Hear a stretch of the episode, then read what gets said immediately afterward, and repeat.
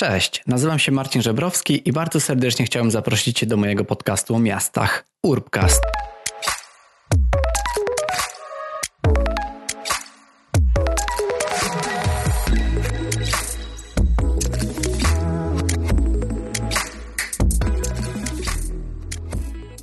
Cześć, witajcie w okrągłym 30 odcinku mojego podcastu. Cieszę się, że to już tak daleko zaszło, no i mogę Wam tylko powiedzieć, tak jak Wam co jakiś czas przypominam, że to dopiero początek, bo e, szykuję kilka, myślę, że ciekawych rzeczy, które niebawem mogą się pojawić w, w tym podcaście. A póki co chciałem Was zaprosić na rozmowę, do której zaprosiłem babę z budowy. Jakby to nie brzmiało, oczywiście nie obrażam tutaj nikogo, a używam po prostu pseudonimu artystycznego lub może lepiej e, nazwy bloga Ewy Matuszak, czyli z wykształcenia magister inżynier budownictwa. Ewa też popularyzuje e, swoją profesję, to jak wygląda życie na budowie i przede wszystkim jak wygląda to oczami kobiety. Więc Ewa pokazuje, że kobiet w, w, budownictwie jest coraz więcej. No a kto wie, może w przyszłości będzie, będzie ich nawet, nawet więcej niż mężczyzn. Zobaczymy. Natomiast ważne jest to, że przełamujemy różne stereotypy dotyczące właśnie pracy kobiet na budowach. Przełamujemy też stereotyp e, tego, że architektura i budownictwo to takie dwie osobne bajki, i tak naprawdę ta architektura ma takie trochę większe poważanie, większy respekt, a e, o budownictwie mało kto wie. E, także staramy się to też w jakiś sposób obalić i pokazać, że bez budownictwa nie byłoby architektury, no bo ktoś musi tę wizję architekta przełożyć na, na placu budowy w to, żeby fizycznie budynek powstał. To tylko niektóre z aspektów, które poruszyliśmy i zapraszam Was na tą moim zdaniem bardzo ważną i ciekawą rozmowę.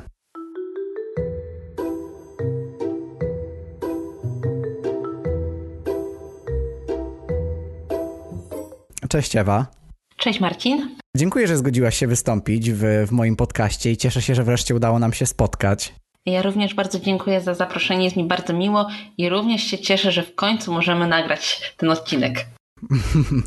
Baba z budowy. No tutaj oczywiście nie, nie chcę cię w żaden sposób obrazić. Baba z budowy to jest, e, to jest tytuł twojego, twojej działalności, twojego bloga, który prowadzisz. I jakbyś mogła tak na wstępie powiedzieć właśnie, co jest ci najbliższe, czym się w tym momencie zajmujesz? W tym momencie się przede wszystkim zajmuję prowadzeniem bloga, jeśli już, e, jeśli chodzi o te kwestie budowlane, ponieważ od już dłuższego czasu mam przerwę zawodową i dzięki temu też e, jestem Y, znaczy mam możliwość, y, mam czas na to, żeby zająć się tą, tą moją działalnością blogową, ale jeżeli pytasz, co tak zawodowo jest mi najbliższe, to tak jak nazwa wskazuje, mm, plac budowy jest zdecydowanie mi bliższy niż biuro projektowe.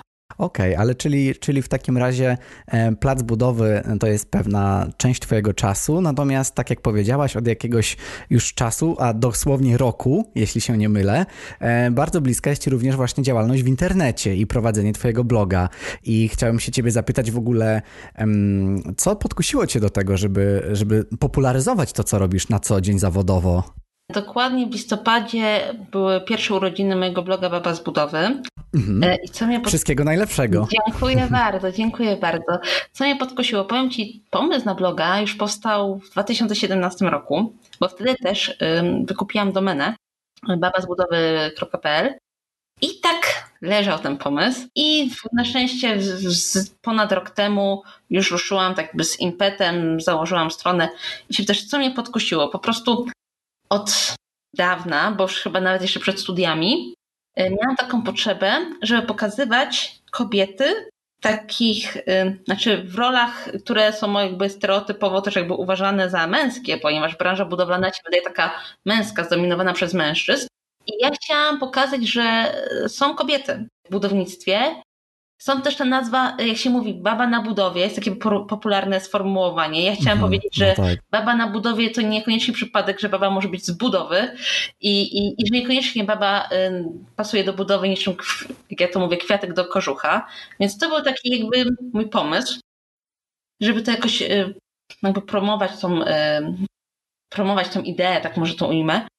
I w końcu założyłam, stwierdziłam, że jakby blog to będzie taka dobra forma jakby na realizację tej mojej idei. I tak powstał blog, który y, powiem Ci, że na początku miałam trochę inną wizję, a oczywiście w międzyczasie, jak się to rozwijał ten projekt, to się trochę ta koncepcja zmieniła. To możesz w takim razie rozwinąć, jak się, jak się ta koncepcja zmieniała i dla, dlaczego się też zmieniała w ogóle? Powiem Ci tak, ja na początku, jak pod tytuł mojego bloga, to brzmi baba z budowy, budownictwo, aranżacja wnętrz i nie tylko. I tak, o budownictwie logicznie, że opowiadam. Aranżacja wnętrz jest mi bardzo bliska, jest takie moje zainteresowanie i na przykład w przeciągu ostatniego roku tak dużo o tym nie pisałam i na przykład teraz chciałabym więcej w tym kolejnym roku o tym pisać, bo nie, nie ukrywam, że jest też to taki, taka forma działalności, którą też bym chciała u siebie rozwijać, jako ja trochę jako jakby aranżatorka, projektantka aranżacji wnętrz, projektantka wnętrz, bym chciała się w pewien sposób rozwijać. I nie tylko, bo chodzi o to, że chciałam, żeby ten blog miał taki charakter, jak to mówię, girl power, woman power, żeby pokazywać właśnie dużo y, kobiet, y, które są jakby zaangażowane w świat budowy. Tylko na początku, jak ja mówię, na początku myślałam, że będę bardziej ja więcej tych tekstów pisała, a potem w międzyczasie wpadłam na taki, w sumie teraz stwierdzam, że genialny pomysł, że ja powinnam zapraszać do rozmowy specjalistki, branżystki i na przykład jak rozmawiamy o jakimś zagadnieniu budowlanym, na przykład o domach szkieletowych, to rozmawiać z projektantką tych domów. Jak rozmawiam na przykład o jakimś zagadnieniu na przykład y, związanym z BIM-em, to też rozmawiać ze specjalistką, która się tym zajmuje. I, i to takie, jakbyś przyjrzał się dokładnie mojemu blogowi, mojej twórczości, to ja angażuję inne kobiety jakby tutaj w rozmowę. Też stworzyłam w międzyczasie, e, podczas jakby tworzenia mojej działalności blogowej, powstała grupa na Facebooku, która no, cieszy się dość dużym, no nieskromnie powiem, e, dość dużym takim zainteresowaniem, bo już jest zdecydowanie ponad 2000 grupowiczek w grupie, więc te kobiety jakby stworzyło się takie jakby środowisko kobiet, które są jakby zaangażowane w szeroko pojętą branżę budowlaną. I tak jakby trochę ten mój blog się troszkę zmienił. O, tak, podwójne założenie, że będę bardziej ja więcej sama tworzyła, a ja teraz zapraszam też bardzo dużo osób do rozmowy. Jest dużo jakby takich wywiadów.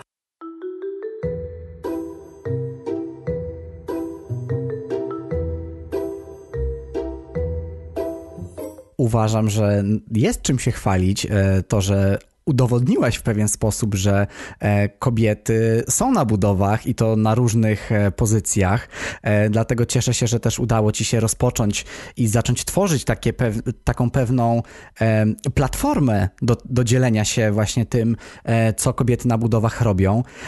No właśnie, jakbyś mogła powiedzieć, jak na przykład funkcjonuje taka grupa, czy, czy jakby wymieniacie się z, ze sobą doświadczeniem na temat pracy, na temat różnych wyzwań zawodowych, czy działa to w jakiś jakiś inny sposób?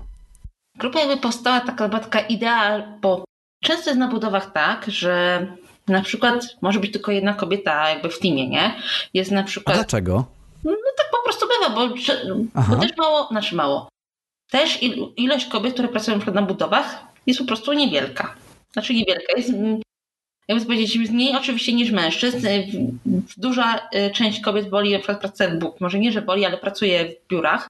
I... W sensie w, bra w, branży budowniczej, ale, ale po prostu gdzieś, gdzieś w biurze, tak? Tak, w biurze, na przykład czy tam przy mhm. kosztorysowaniu, przy ofertowaniu, czy tam przy projektowaniu.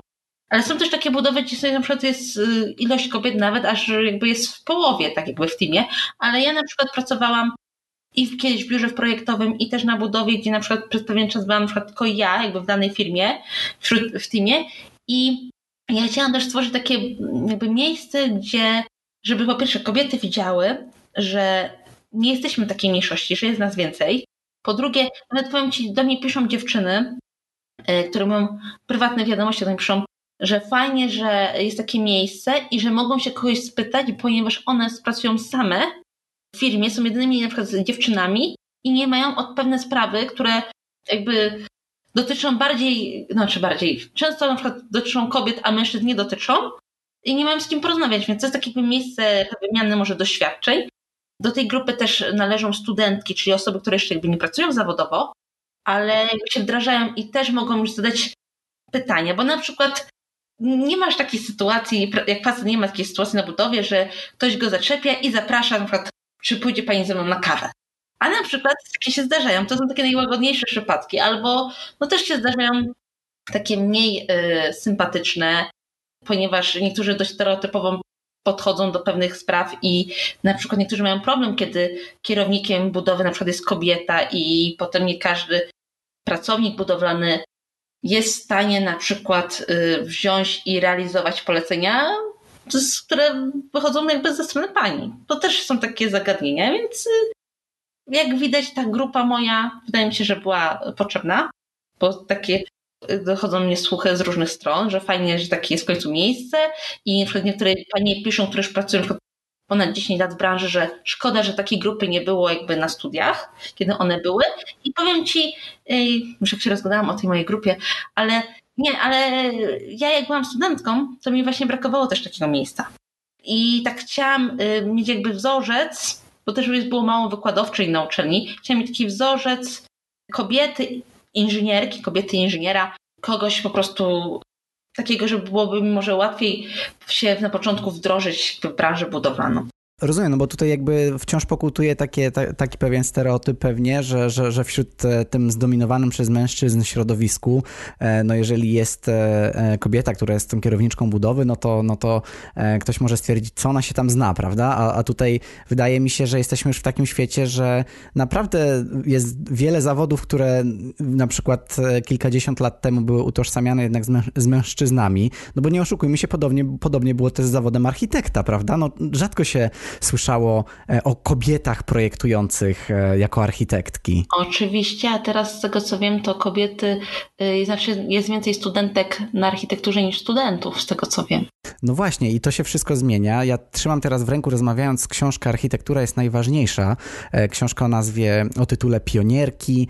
W zeszłym, w jednym z, z wcześniejszych odcinków też Brunon Odolczyk, urzędnik z, z, z warszawskiego ratusza, też dzielił się książką pod tytułem Architektki. Czyli jakby no, są sygnały, że mm, kobiety, dziewczyny zaczynają nie tyle co może wyrównywać, ale dominować też, e, też, też, też pewne takie e, architektoniczno-budownicze e, kierunki i, i, i, i pola.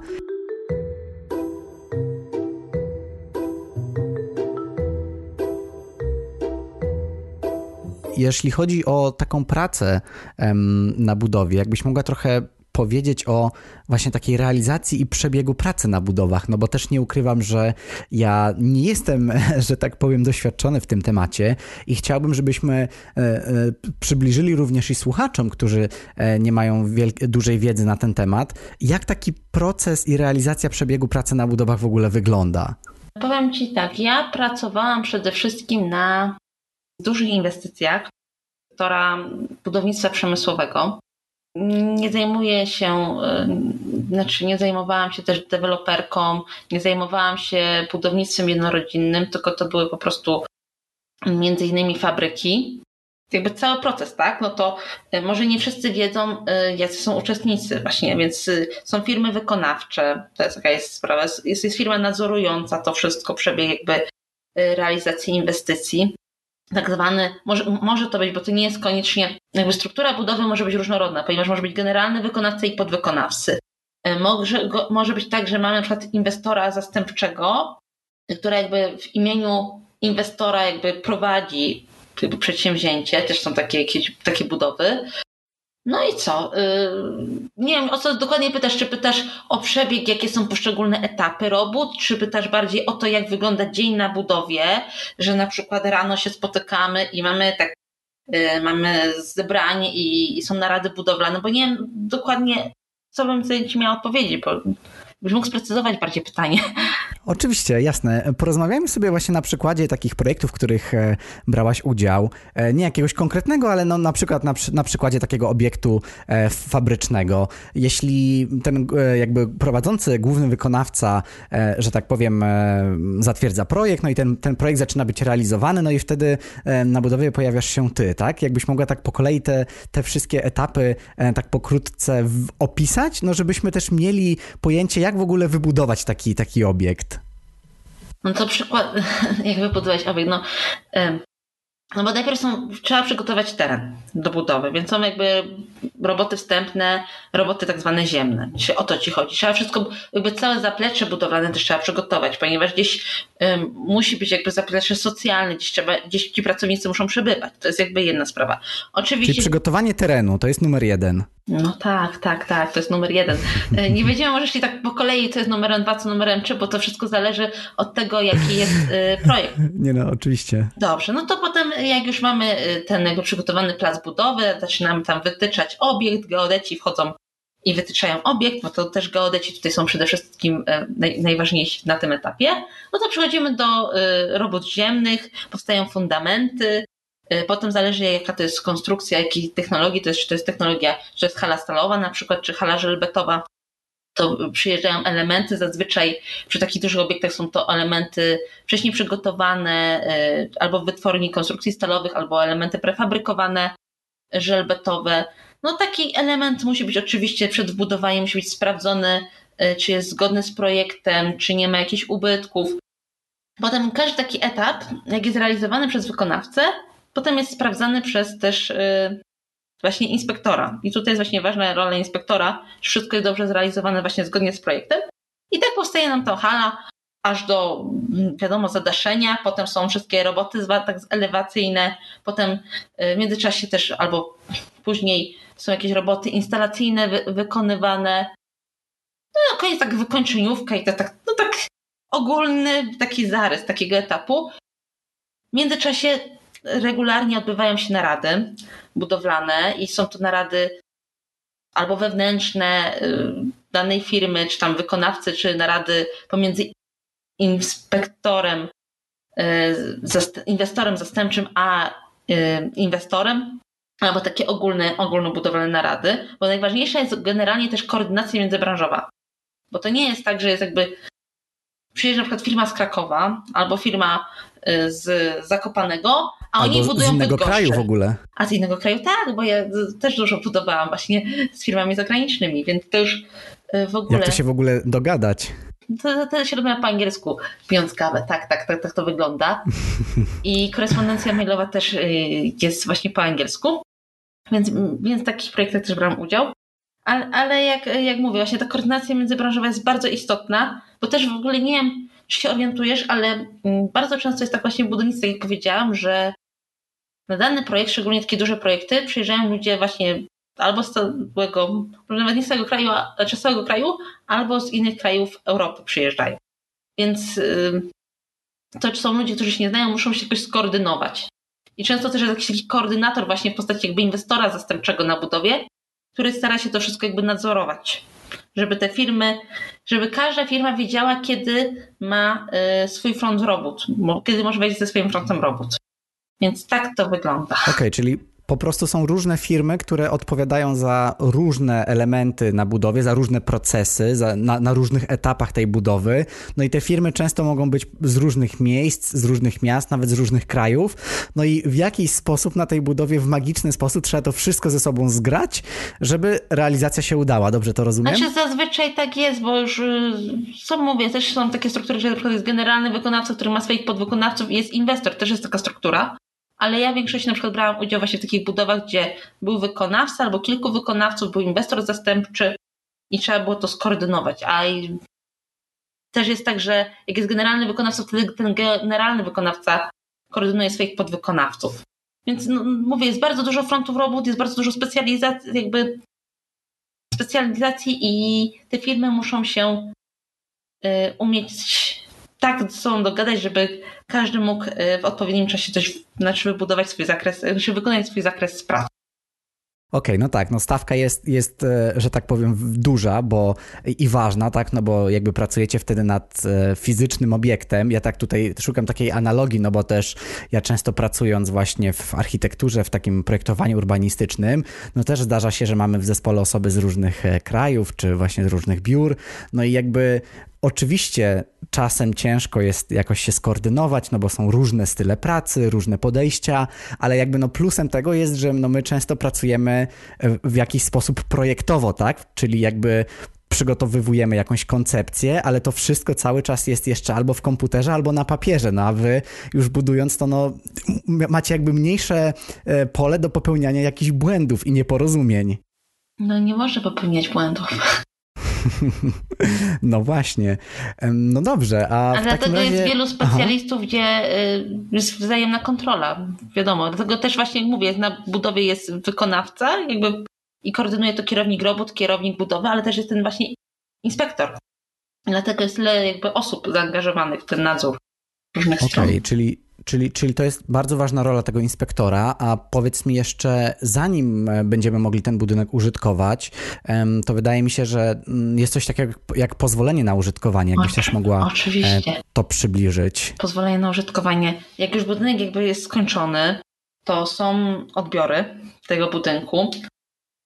Są odbiory z, z tutaj z sanepidu, ze straży pożarnej, przyjeżdżają między innymi oczywiście nadzór budowlany, powiatowy inspektorat y, nadzoru budowlanego y, przyjeżdża na budowę i, i są prowadzone takie odbiory. No i jak już się wszystko zakończy, wszystko pozytywnie, to po pewnym czasie uzyskuje się pozwolenie na użytkowanie obiektu.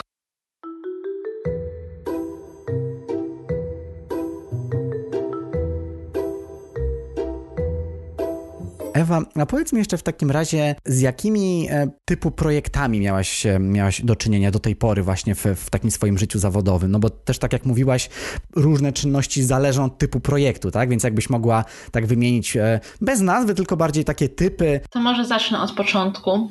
Jak zaczęłam swoją może rozpoczęłam swoją drogę zawodową, bo ja tak nie lubię sformułowania kariery zawodowej, okay, bo kariera okay. to kojarzy czymś wielkim. E, na początku mojej drogi zawodowej jeszcze będąc studentką, e, pracowałam jako asystentka projektanta i pierwsze moje takie jakby zadania to były związane z uzyskaniem pozwolenia, pozwolenia na budowę, ale pozwolenie na budowę domów jednorodzinnych. Więc jakby się zajmowałam przez pewien czas tym. Potem się zajmowałam, jak y, pracowałam jak w zespole projektowym, który się zajmował tworzeniem y, konstrukcji Tutaj też właśnie były konstrukcje właśnie związane bardziej z budownictwem przemysłowym, bo to były jakieś podkonstrukcje, albo to były hale żelbetowe, więc się tym zajmowałam. I, i to było tak właśnie przez y, w sumie 3 lata, 3 lata, ponad 3 lata pracowałam jakby w biurach projektowych, a później zaczęłam pracować na budowie i pracowałam przy budowie, jeden z ostatnich projektów to była elektrociepłownia, y, wcześniej to był właśnie, mówię, wytwórnia, mm, fabryka taka duża, znaczy tak, fabrykę pracowałam na kilku etapach, e, łącznie nawet była też oczyszczalnia.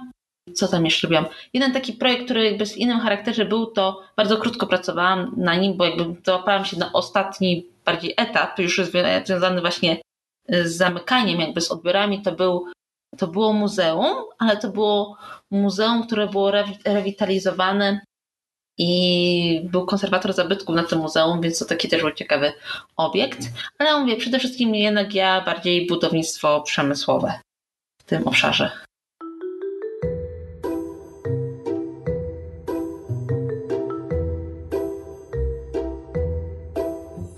Ewa, ja cię też zaprosiłem do, do mojego podcastu o miastach, no bo ty, ty te miasta też budujesz, tak? Jakby byłaś odpowiedzialna za powstanie różnych obiektów.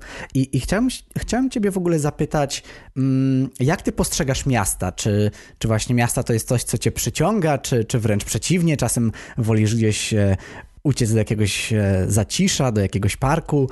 Jaki jest w ogóle twój stosunek do miast? Powiem ci tak, y, ja bardziej sobie myślę, że buduję miejsca pracy dla ludzi, którzy mieszkają w miastach. Bo zawsze w strefach ekonomicznych jakby działałam i, i to mi się tak bardziej kojarzy. A jaki jest mój stosunek do miast?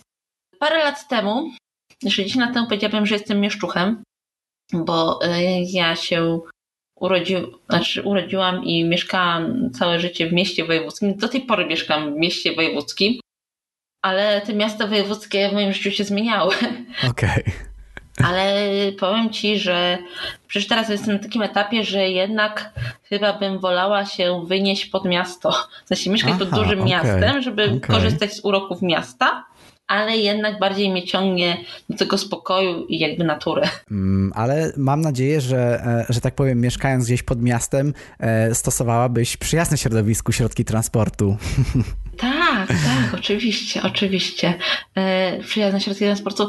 Powiem ci, że ja wiele, dużą część życia chodzę znaczy poruszam się piechotą. Aha. Tak, pieszo tak. po mieście. Pieszo po mieście. Korzystam ze środków komunikacji miejskiej, co też jest rzadko spotykane. Jak byłam studentką, to notorycznie jeździłam e, pociągiem, więc, e, więc tak. E, przez pewien czas na jedną budowę dojeżdżałam, gdzie miałam 5 km, dojeżdżałam rowerem, nawet jesienią, jak O, było zimno, super. więc, więc tak. A nawet potrafiłam, jak nie miałam czasu na trening, a wtedy biegałam, e, przebrać się po pracy, przebrać się w strój biegowy i biec, e, jakby biegiem wracając do e, swojego mieszkania, tak, tak, tak. Więc ja jak najbardziej jestem, staram się być e, eco-friendly.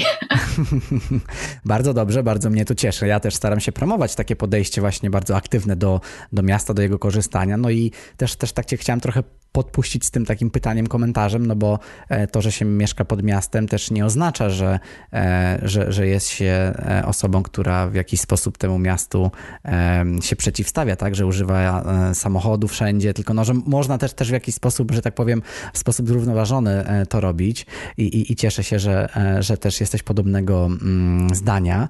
A chciałbym porozmawiać o tym, jak w ogóle traktujesz architekturę, jak ci się współpracuje z architektami, no bo jakby to, ta architektura bez budownictwa, no nie oszukujmy się, nie istnieje, a jednak architektura się wydaje taka bardziej, mm, no wiesz, doceniana, prestiżowa, jako profesja, tak? A no ale jednak gdyby nie to budownictwo, no to żadne te wizje architektów nie byłyby zrealizowane. I jak w ogóle ty na to patrzysz? Jak, jakie, masz, jakie masz podejście do ogólnie architektury i architektów?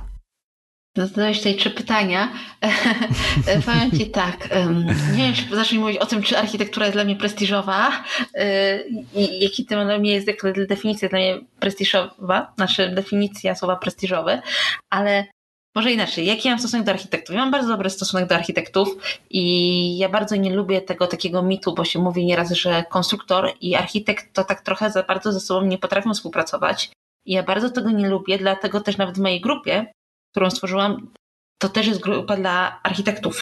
Dla architektów. Okej. Tak, Mhm. tak, tak. Dla architektek, Tak, dokładnie. tak.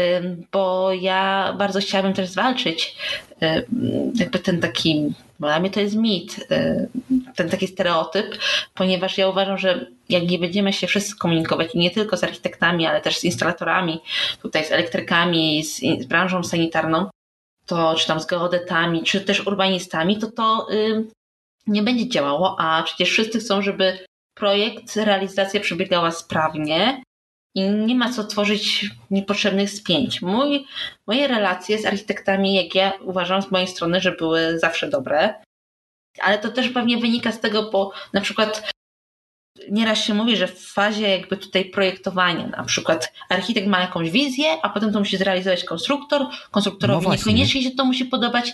Ja nie miałam jakby takiego styku, bo ja głównie pracowałam jako asystent projektanta. Więc to bardziej, jeżeli Okej, były jakieś okej. dyskusje, to były na wyższym szczeblu, mnie one nie dotyczyły.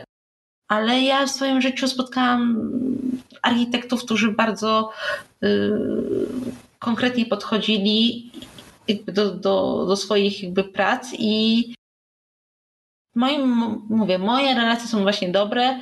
Y, Ja bym chciała zwalczyć ten, też ten stereotyp. Jest też w ogóle taka sytuacja, nie wiem, czy się orientujesz, ale jest osobno jakby zrealizowana, znaczy osobno istnieje Izba Architektów i Izba Inżynierów Budownictwa. Nie wiem, czy jest właśnie tak, są- wiem, wiem, że to jest rozdzielne, tak, wiem, że, Tak. wiem, że to nie jest razem. Ja Mhm. na przykład uważam, że fajnie by było, gdyby to było jakoś połączone, bo to na pewno chyba by było zawsze jakoś lepiej się, że tak powiem, byłoby dogadać tym dwóm, tym dwóm sektorom. Więc moje relacje, mój stosunek jest jak najbardziej pozytywny. Ja wiem, że każda branża ma swoje priorytety i jeżeli nie będziemy, musimy być empa- pełni empatii, pamiętać, że każda druga strona chce jak najlepiej wykonać swój zawód, wykonać swoje obowiązki i trzeba o tym pamiętać. Ja jako konstruktor muszę pamiętać, że ten budynek Muszę, muszę rozumieć tego, muszę rozumieć architekta, że ten budynek musi być ładny, funkcjonalny, ale architekt też musi pamiętać, że y, to musi być, że może być to w stanie, trzeba to umieć zrealizować, o, że trzeba to umieć zbudować, że na przykład hala nie może być nie wiadomo jak duża i te rozpiętości pomiędzy słupami nie mogą być, są ograniczone, prawda? Odległości muszą, są jakieś, muszą być zachowane, a nie, że po prostu mamy pustą przestrzeń bez słupów.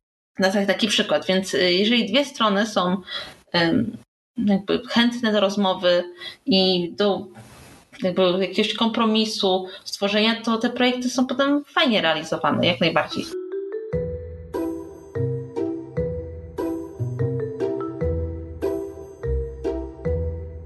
Ja też tutaj e, pytając o tą architekturę, w swoich notatkach w ogóle słowo doceniana i prestiżowa wziąłem w nawias, to, to, to tak wiesz, też żebyś wiedziała, właśnie ja użyłem słowa wydaje się być taka, nie powiedziałem, że jest, bo, no bo uważam, że no, architektura i budownictwo stoi w pewien sposób na równi, tak? No bo e, tak jak wspominałem, no, łopatologicznie e, jedna profesja jest od tego, żeby daną rzecz zaprojektować, druga, żeby wybudować i oni muszą współpracować, żeby dana rzecz powstała. Dlatego e, zmierzam też trochę do tego, że podobało mi się, jak w wywiadzie na Twoim blogu Ania Żmuda, Żmuda, czyli zresztą Twoja współprowadząca waszego podcast, wasz podcast o budownictwie, powiedziała, że budownictwo nie jest instagramowe.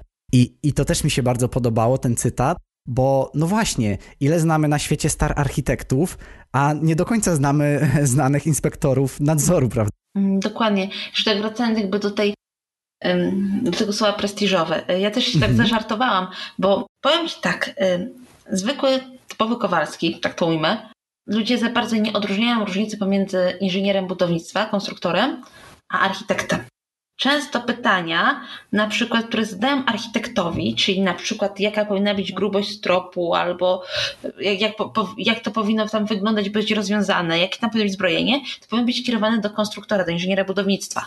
Albo na przykład inżyniera budownictwa pytają o takie tematy, które są bardziej, y, na przykład pytają o, nie wiem, bardziej kolorystykę, elewację, to już jest bardziej pytanie skierowane do architekta. Więc y, ja uważam, że my razem tworzymy tak naprawdę bardzo fajnie się dopełniamy. Zgrany ale, duet. Tak, zgrany duet, tylko przez jakby społeczeństwo. Y, jakby zawód inżyniera budownictwa nie jest dość znany i jakby tak ogólnie, jak zapytamy się osoby, która nie jest związana z branżą, to y, architekt jakby łączy w ich mniemaniu, osoby takie niezwiązane z branżą, architekt jakby łączy te dwa jakby właśnie jakby funkcje inżyniera budownictwa i architekta. Dlatego ten zawód też się wydaje tak, jest taki jakby prestiżowy, bardziej znany. Dlatego właśnie ludzie, tak mi się wydaje, że y, częściej mówią, że o fajnie, jesteś architektem, bo bardziej wiedzą o bardziej mają jakieś wyobrażenie architekta, a fajnie, okej, okay, jesteś inżynierem budownictwa, ale czym ty się dokładnie zajmujesz? Jak się na przykład ktoś zapyta, y, moi na przykład y, koledzy ze studiów czy koleżanki, to oni zawsze się śmiali, że a moja babcia to nawet do końca nie wie, czym ja się zajmuję. Ona myśli, że jestem architektem. Tak, tak zawsze mówili.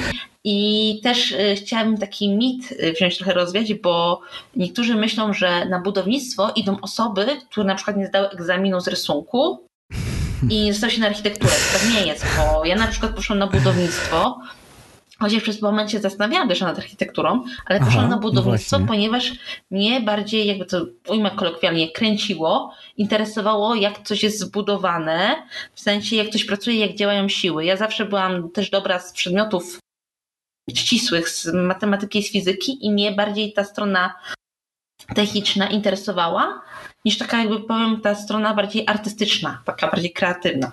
Więc yy, więc jeśli chodzi o prestiżowy, to y, każdy ma jakby inną definicję, ale rozumiem, że jakby przez społeczeństwo, jak mówię, ta, ta definicja jakby architekta jest trochę inna niż jakby, może społeczeństwo ma inne jakby wyobrażenie o obowiązkach architekta, niż one rzeczywiście wynikają. Myślę, że, że to, co właśnie przed chwilą powiedziałaś, było bardzo ważne i ja się bardzo cieszę, że zgodziłaś się wystąpić w, w tym podcaście właśnie dlatego, żebyś mogła obalić te, te różne mity z tym związane, bo ja też widzę taką analogię, jeśli chodzi też o mój zawód, o zawód urbanisty czy właśnie planisty miejskiego, no bo to jest też trochę tak, że to jest taka jeszcze profesja nie do końca postrzegana jako ważna i odrębna od architekta i nieraz jak tłumaczyłem komuś, czym się zajmuję, no to użyłem takiego porównania, że jestem architektem w skali miasta. I to nie do końca jest prawda, no bo jakby to jest coś zupełnie innego, ale jednak z drugiej strony, no trzeba było jakoś to wytłumaczyć, więc użyłem takiego porównania, dlatego też i ciebie zapytałem o ten wątek architektoniczny i cieszę się, że no jest jakby wyraźna e, różnica w tym, e, czym się zajmuje architekt i czym się zajmuje inspektor nadzoru czy, czy inżynier budownictwa, ale powinni współpracować. Oczywiście bez współpracy nie ma efektów. Nie ma efektów jak najbardziej, więc współpraca jest najważniejsza.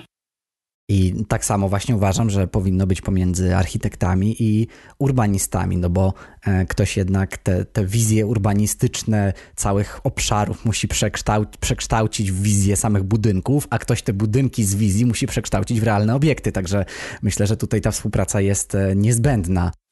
Dobrze, e, zbliżamy się już powoli do końca. Ja chciałem Ciebie jeszcze zapytać o, o dwie rzeczy. I Jedna z nich to, czy uważasz, że możemy jakoś uatrakcyjnić, tutaj znowu w cudzysłowie, przekaz na temat budownictwa i profesji właśnie e, inspektora, czy, czy inżyniera lub projektanta, tak? Uatrakcyjnić, ale masz na myśli e, w mediach, social mediach, czy e, bo tak nie za bardzo tak, tak, tak. Bardziej mam na myśli, e, jeśli chodzi o taki przekaz, tak? Jak możemy. No, to jest e, w ogóle to, czym się ty zajmujesz, prawda? Czyli ty w jakiś sposób popularyzujesz e, to czym, to, czym się zajmujesz. I czy uważasz właśnie, że po prostu pisanie na ten temat, czy może wrzucanie też jakichś zdjęć z, z placów budowy, to, to jest. To jest jedna z dróg. I pytanie, czy, czy są jeszcze jakieś Twoim zdaniem inne pomysły, żeby docierać do coraz większej liczby ludzi, żeby też pokazywać im, czym ta profesja się w ogóle zajmuje? Powiem Ci tak, no to na pewno co ja robię i wiele innych osób, ponieważ jest dużo osób, które działają w internecie, czy to prowadzą kanały na YouTubie, czy też e, prowadzą też podcasty. Ja również um, współtworzę podcast budowlany, ale również są osoby, które prowadzą portale na temat budownictwa. E, ja mam bardziej prowadzę bloga, on jest taki bardziej, e, może, może nie lifestyle'owy, ale taki, no to jest blog taki bardziej, jak bym powiedziała, może luźny, o, a niektórzy takie bardzo mocno specjalistyczne prowadzą blogi, ponieważ na przykład blogi o y, projektowaniu z użyciem specjalistycznego programowania albo blogi, które są poświęcone E, konkretnym robotom budowlanym, więc są takie też specjalistyczne. Bo jak sama piszesz też, też na swoim blogu i, i jakby twój blog nie jest stricte blogiem budowlanym, prawda? Ty też zajmujesz się w ogóle, interesujesz się aranżacją wnętrz, czy, czy światem nauki i psychologią. Tak, tak, bardzo. Ja, jak gdybym nie była na budownictwie, była psychologiem. Okej. Okay. A to jest też bardzo, bardzo ciekawy zawód. Też będę e, e, gościł e, psycholożkę niedługo i, i myślę, że to jest naprawdę też bardzo ciekawe, jak z takiego właśnie psychologicznego punktu widzenia można postrzegać miasto, ale to, to, to już inny temat. To już zapowiedź, ale zapowiada naprawdę ciekawie. Chętnie wysłucham. Powiem Ci, jak jeszcze inne. No tak, powstaje duża liczba też kanałów na Instagramie, gdzie ludzie wrzucają zdjęcia, chociaż y, to nie jest tak, że ze zdjęciami na budowie, z budowy to też jest taki problem, ponieważ y, bardzo często jakby nie można wrzucać zdjęć z budowy. Też jest związane jakby, jakby z umowami tutaj, y, tak, jakby to też często są jakieś tam procesy, więc mogłyby, no po prostu nie, bardzo często jest tak, że wiele osób nie może po prostu wrzucać zdjęć z budowy. Tak, tak to mhm. wygląda, jest to, ale jest to na przykład y, powstaje też dużo takich kanałów na Instagramie, gdzie są jakby wirtualne dzienniki budów domów, gdzie inwestorzy prywatni wrzucają zdjęcia, na przykład wybierają jakiś dom typowy, który realizują i tam pokazują kolejne etapy wykonywania robót. I to jest bardzo fajne. E, takie podglądanie jakby realizacji jest bardzo ciekawe i na przykład powiem Ci, że jest taki, gdzieś trafiłam na przykład dom który ma, jest o kształcie kopuły. Taki dość niespotykany i ja sama okay. to chętnie sobie tam nieraz y, zaglądam na ten profil. Więc y, bardzo, bardzo ciekawe. I to jest taka jakby forma popularyzowania. Na pewno są też jakieś inne wolontariaty budowlane. Zresztą y, znamy tutaj dziewczyny, które się tym zajmują. No tak, to też spot. jest. Tak, spot. Mają reklamę w tym odcinku. Dziewczyny. tak, tak, e, tak. Reklamujemy, bo oboje rozmawialiśmy, prawda, z dziewczynami. E, ja z Agatą Bosiacką, ty, ty, ty jeszcze z, z innymi organizatorkami. Tak. E, spot. Tak, u mnie są na blogu, u ciebie są we wcześniejszym odcinku podcastu, tak, więc dokładnie. to też jest jakaś forma popularyzacji jakby budownictwa jest też pełno coraz to więcej jakby takich programów, e, jakby w ogóle kanałów e, w telewizji, które są jakby poświęcone e, jakby też aranżacji wnętrz, ale też budowie domów albo remontom domów. Więc to, to jest coraz, coraz, coraz częściej się o tym tak mówi. Więc to są takie formy, jak będą jakieś inne, to pewnie się spotkamy z tym prędzej czy później. Może wpadniemy oboje na to, na jakiś pomysł i coś zrealiz wiesz, zrealizujemy, wymyślimy, kto wie.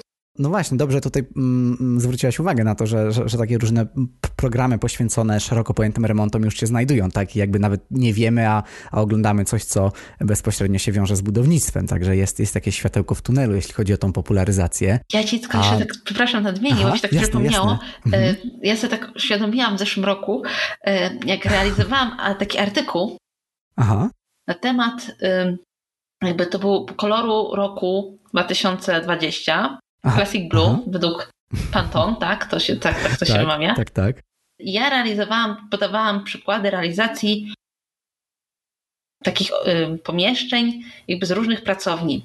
I taka jedna pracownia, która się tym właśnie zrealizowała taki, takie pomieszczenie, to jest taka pani y, architekt, którą ja obserwuję, znaczy pamiętam jeszcze jakby z czasów swojego w sumie do dzieciństwa, bo ja może byłam wtedy w szóstej klasie podstawówki i on, ta pani prowadziła program w telewizji, pierwszy z programów wnętrzarskich, gdzie były jakby takie jakby remonty, metamorfozy mieszkań. I tam była taka jakby pokazana budowlanka od jakby yy, wiadomo, skuwania płytek przez wszystkie etapy.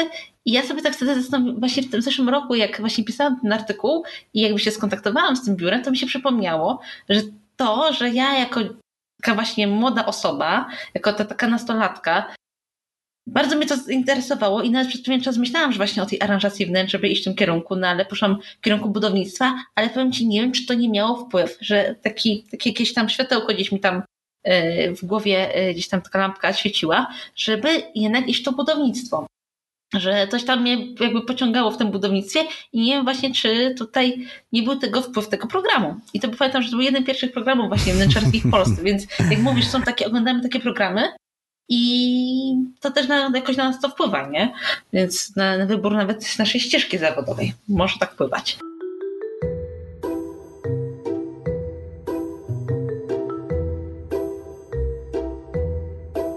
Wiesz co, no myślę, że jest to bardzo możliwe, że zostałaś w jakiś e, sposób zainspirowana. Dokładnie. Niektórym, niektórym to się bierze gdzieś tam wewnątrz, tak jak, nie wiem, wydaje mi się, że w moim przypadku to, że się zainteresowałem miastami, to jakoś tak mi się wzięło nie wiadomo skąd, ale być może też, też w jakiś sposób, nawet nie wiedząc, jak się czymś zainspirowałem i tak właśnie to wpływa na nasze życie.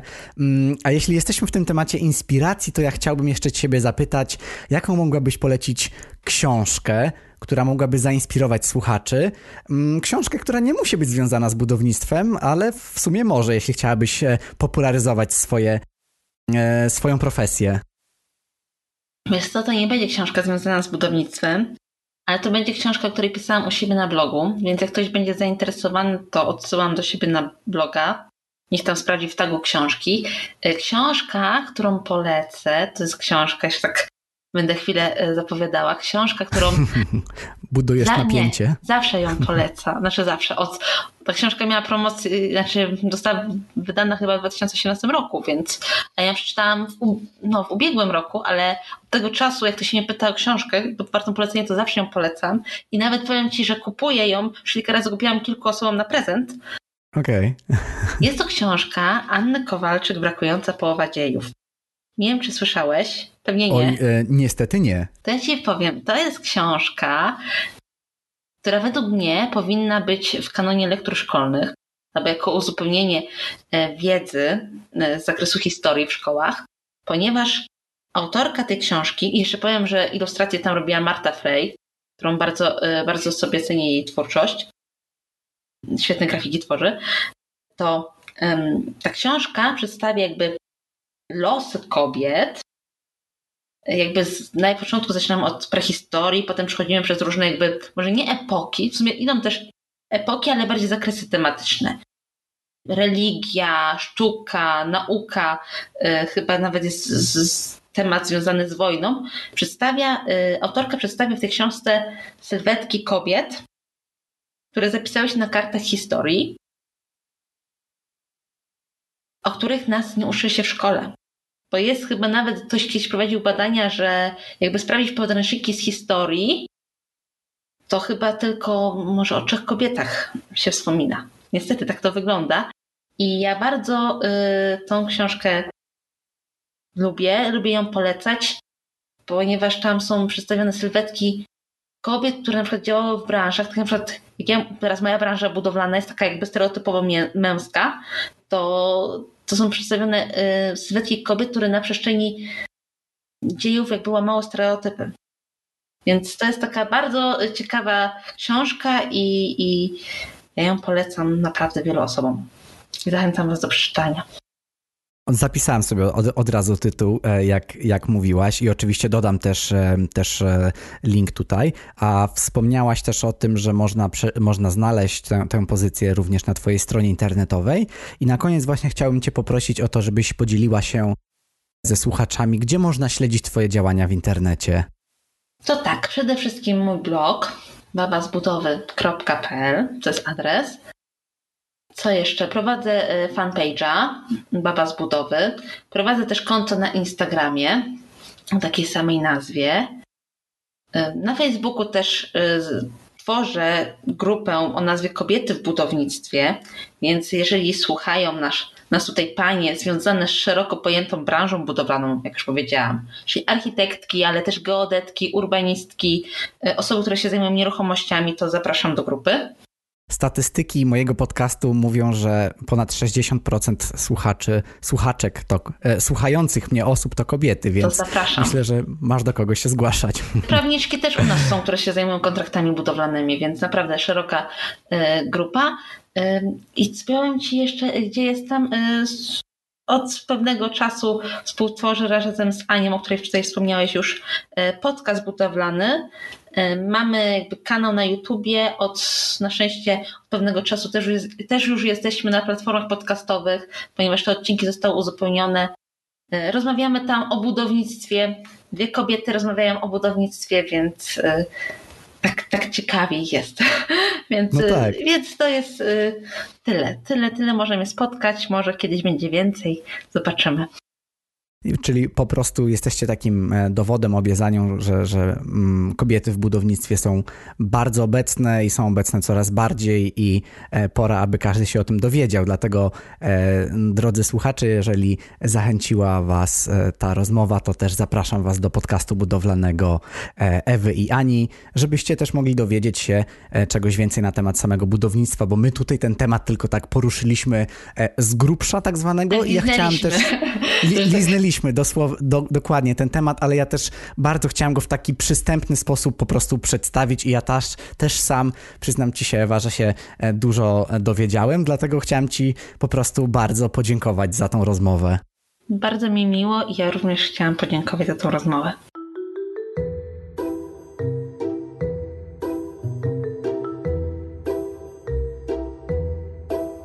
Dzięki wielkie za wysłuchanie najnowszego odcinka podcastu.